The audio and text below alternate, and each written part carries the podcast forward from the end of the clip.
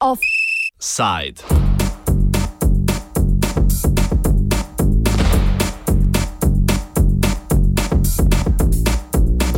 Saga zakona o SDH se nadaljuje.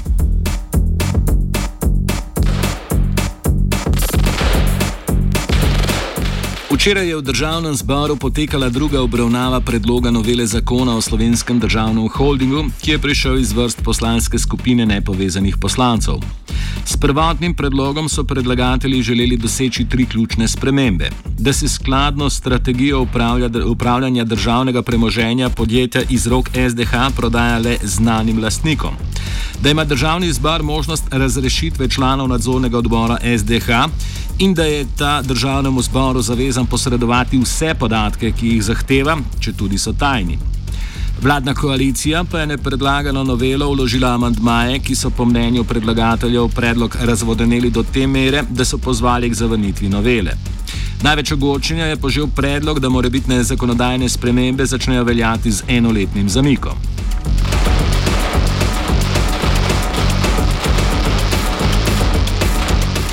Sicer je na prvi obravnavi novela prejela veliko podpore, čemu pa je sledilo več dopolnil poslanskih skupin SMC, Desus in SD.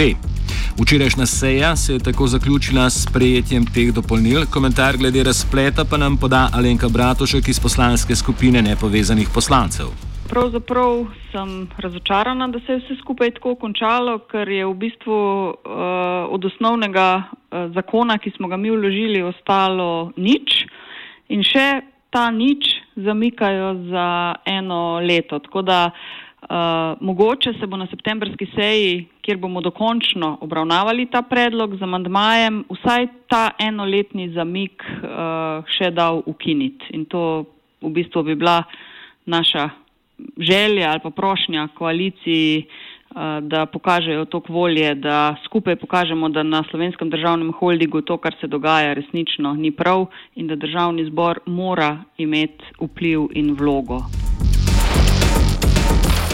Kot omenjeno je na prvi obravnavi predlog novele dobil visoko podporo. Kaj bo trvalo preobratu oziroma podanim dopolnilom, dopolnilom novele? Bratušek. V prvem branju pravzaprav uh, je, je predlog naš dobil soglasno podporo, nihče ni bil proti in nihče se ni vzdržal, tako da sem bila pravzaprav začudena, uh, kaj se je potem tekom postopka dogajalo in uh, morate povedati, ne samo poslanske skupine, ampak koalicijske poslanske skupine so pravzaprav celoten zakon uh, spremenile. Naša intenca ali pa želja je bila, da vemo, komu državna podjetja prodajamo, to smo želeli zagotoviti, da ima državni zbor možnost zamenjave nadzornega sveta, če ne delajo tako, kot bi moral. Uh, in tretja, da mora slovenski državni holding uh, posredovati podatke poslankam in poslancem, če jih ti zahtevajo. In pravzaprav nič od tega trojega v zakonu ni ostalo. Uh, tako da ne vem, to je mogoče bolj vprašanje za koalicijo, zakaj niso za transparentnost, zakaj jih moti, da bi vedeli, komu se ta naša državna podjetja uh, prodajajo in zakaj pravzaprav ta enoletni zamik pri m, vlogi in vplivu državnega zbora na nadzorni svet.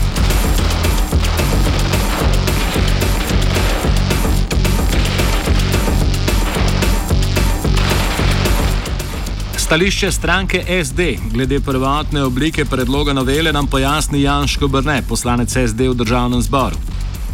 Ja, mi smo seveda z namenom uh, novele uh, in z njenimi cilji uh, pravzaprav v popolnosti na liniji. Osnovni namen torej preprečiti prodajo državnih podjetij lupinam oziroma poštnim nabiralnikom in pa zagotoviti ustrezen nadzor državnega zbora nad delom nadzornega sveta.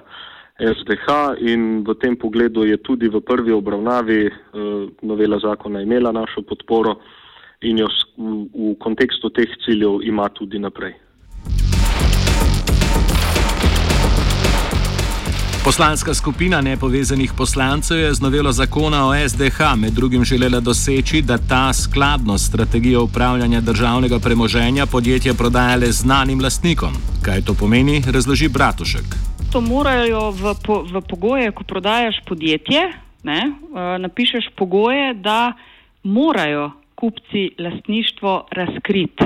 Ne more ostati skrito, ne moreš to prodajati poštnim nabiralnikom, za katerega ne veš, kdo je uh, lastnik. In če je to pogoj naš, se pravi ne naš, tistih SDH-jev, tisti, ki prodajajo podjetja, tisti, ki tega pogoja ni pripravljen izpolniti, preprosto državnega podjetja kupiti ne more. Pika.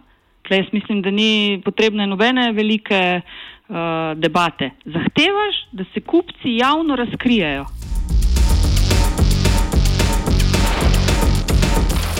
Na seji so bile izpostavljene tudi smernice Organizacije za gospodarsko sodelovanje in razvoj, po katerih je treba ločiti delovanje države od operativnih zadev družb v državni lasti.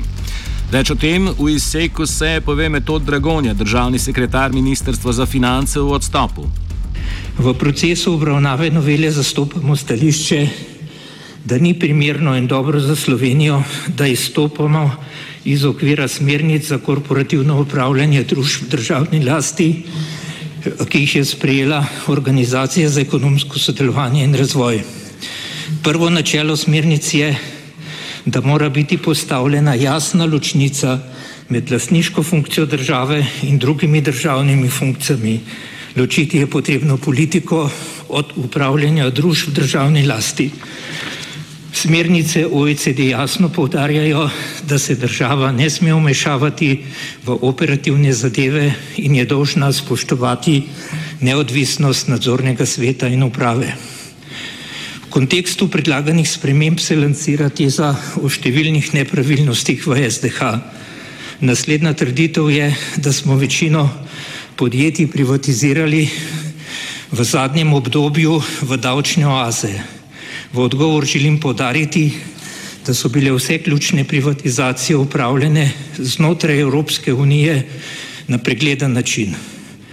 Poleg tega je posebej, potrebno posebej podariti, da Slovenija mora spoštovati načela prostega pretoka kapitala iz 65. člena pogodbe o delovanju EU.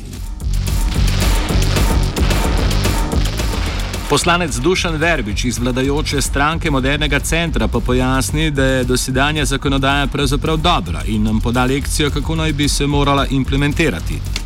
Z zakonom o slovenskem državnem holdingu je bila dana, kot rečeno, zelo dobra podlaga, da se na organa, nadzorni svet in upravo prenese profesionalno vodenje in upravljanje državnega premoženja v izključno korist države.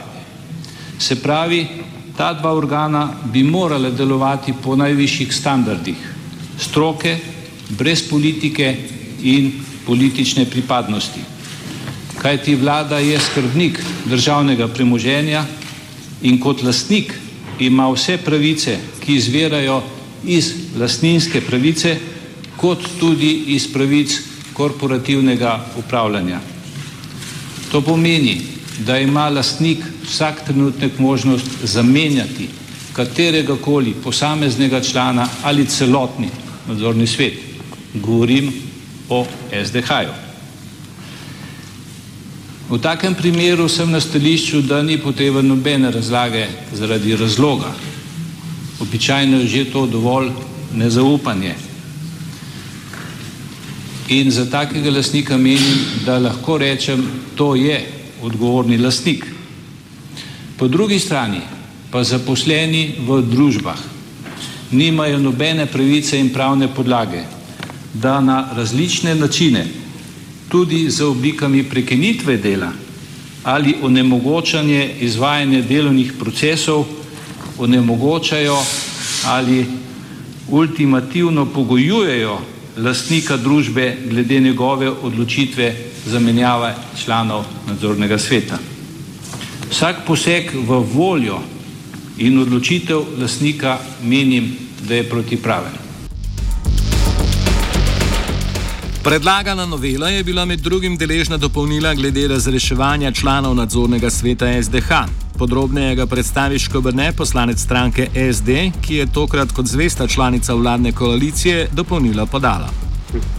Ja, zdaj ključno dopolnilo se nanaša na možnost državnega zbora, da razrešuje nadzornike. Zdaj tukaj je potrebno predvsem preprečiti, da bi iz te izpeljave ki je pomembna in nujna, prišlo do tega, da bi mi omogočili lov na čarovnice in da bi bil zlorabljen parlamentarni postopek za to, da bi vsak dan eh, posebej delali javni linč. Mi pač moramo zadevo rešiti tako, da bo zelo jasno, kakšni so pogoji za ugotavljanje eh, kršitev zakona in pod kakšnimi kriteriji državni zbor to lahko ugotovi, ker državni zbor sodišče ni. In uh, zakonodajalec teh pristojnosti sicer postavi nima. Zato je pač bilo edino logično, da se sprejme to dopolnilo, ker pač z amandmaji žal eh, ni šlo skozi eh, drugače, da se uredi v letu dni ostale akte, tudi poslovnik na tak način, da bo državni zbor imel, da rečem, jasno linijo kriterijev, kdaj pride na vrsto možnost za razrešitev. Tako da v resnici gre samo za eh, optimizacijo um, tega določila nadzora na tak način, da se prepreči njegova zloraba. Kakšno stališče pa je SD zauzela glede obveznega posredovanja podatkov državnemu zboru, če ta od SDH to zahteva? Škobar ne. Tukaj je stališče uh, preprosto. Državni zbor že zdaj v okviru komisije za nadzor javnih financ in ostalih uh, komisij, ki jih lahko ad hoc ustanovi, ima pravico zahtevati vse relevantne podatke. In mi vidimo predvsem logiko, da uporabljamo že obstoječa urodja, ne pa da za vsak eh, dogodek in za vsako podjetje, pa za vsako ustanovo ustanavljamo nov zakonski ukvir, ker to prenaša samo zmedo, podvaja funkcije, šibi pa nadzor. Mi imamo institucije nadzora in te morajo začeti delati, mi imamo institucije pregona, te morajo začeti delati. Državni zbor mora pa v okviru tega, kar ima, predvsem izvrševati svoje ustavne pristojnosti, ne pa tudi svoje odgovornosti stalno prelagati tudi s tem, da multiplicira zakonodajo, ki je na koncu samo neučinkovita. Razprava o predlogu novele zakona o državnem holdingu se bo nadaljevala na septembrski seji državnega zbora. Kaj od te pričakuje Bratušek? A, tako kot sem povedala, edina stvar, ki jo v tej tretji obravnavi še lahko spremenimo, je, da uh, umaknemo ta enoletni uh, zamik uveljavitve uh, zakona in to bomo seveda mi tudi predlagali in poskušali urediti način zamenjave nadzornega sveta v državnem zboru, če to predlaga državni zbor. To bi z amandmajem v tretjem branju lahko naredili in upam, upam, da bodo koalicijski poslanci uh, do, tak, do septembrske seje ugotovili, da na slovenskem državnem holdingu res ni vse tako, kot mora biti in nas bodo pri tem podprli. Seveda so tole moje želje, kaj pa bo, pa bomo videli septembra. O tem, kakšna so pričakovanja glede nadaljne parlamentarne poti novele v imenu stranke SD za konec današnjega offsajda, zaključi Škobrne. No, naše pričakovanje je, da bo zakon v tretji obravnavi sprejet. In naša želja je, da bi se seveda prej kot v enem letu, kot je prehodno obdobje, uredilo uh, vse uh, poslovniške in druge akte, ki bodo omogočili aktivni nadzor državnega zbora nad SDH-jem in seveda tudi uredili kriterije za odpoklic oziroma za ugotavljanje zakonskih uh, kršitev, ki so pogoj za odpoklic nadzornikov. In ni razloga, da se to septembra, ko bo zakon eh, sprejet, ne uredi, morda celo že do naslednje seje. In to je tudi pričakovanje socialnih demokratov. Offset je pripravila Vajenka Sara. Ni lyssnar på Radio Student på 89,3 MHz FM stereo. Vi önskar er ett klart ljud och en skarp bild.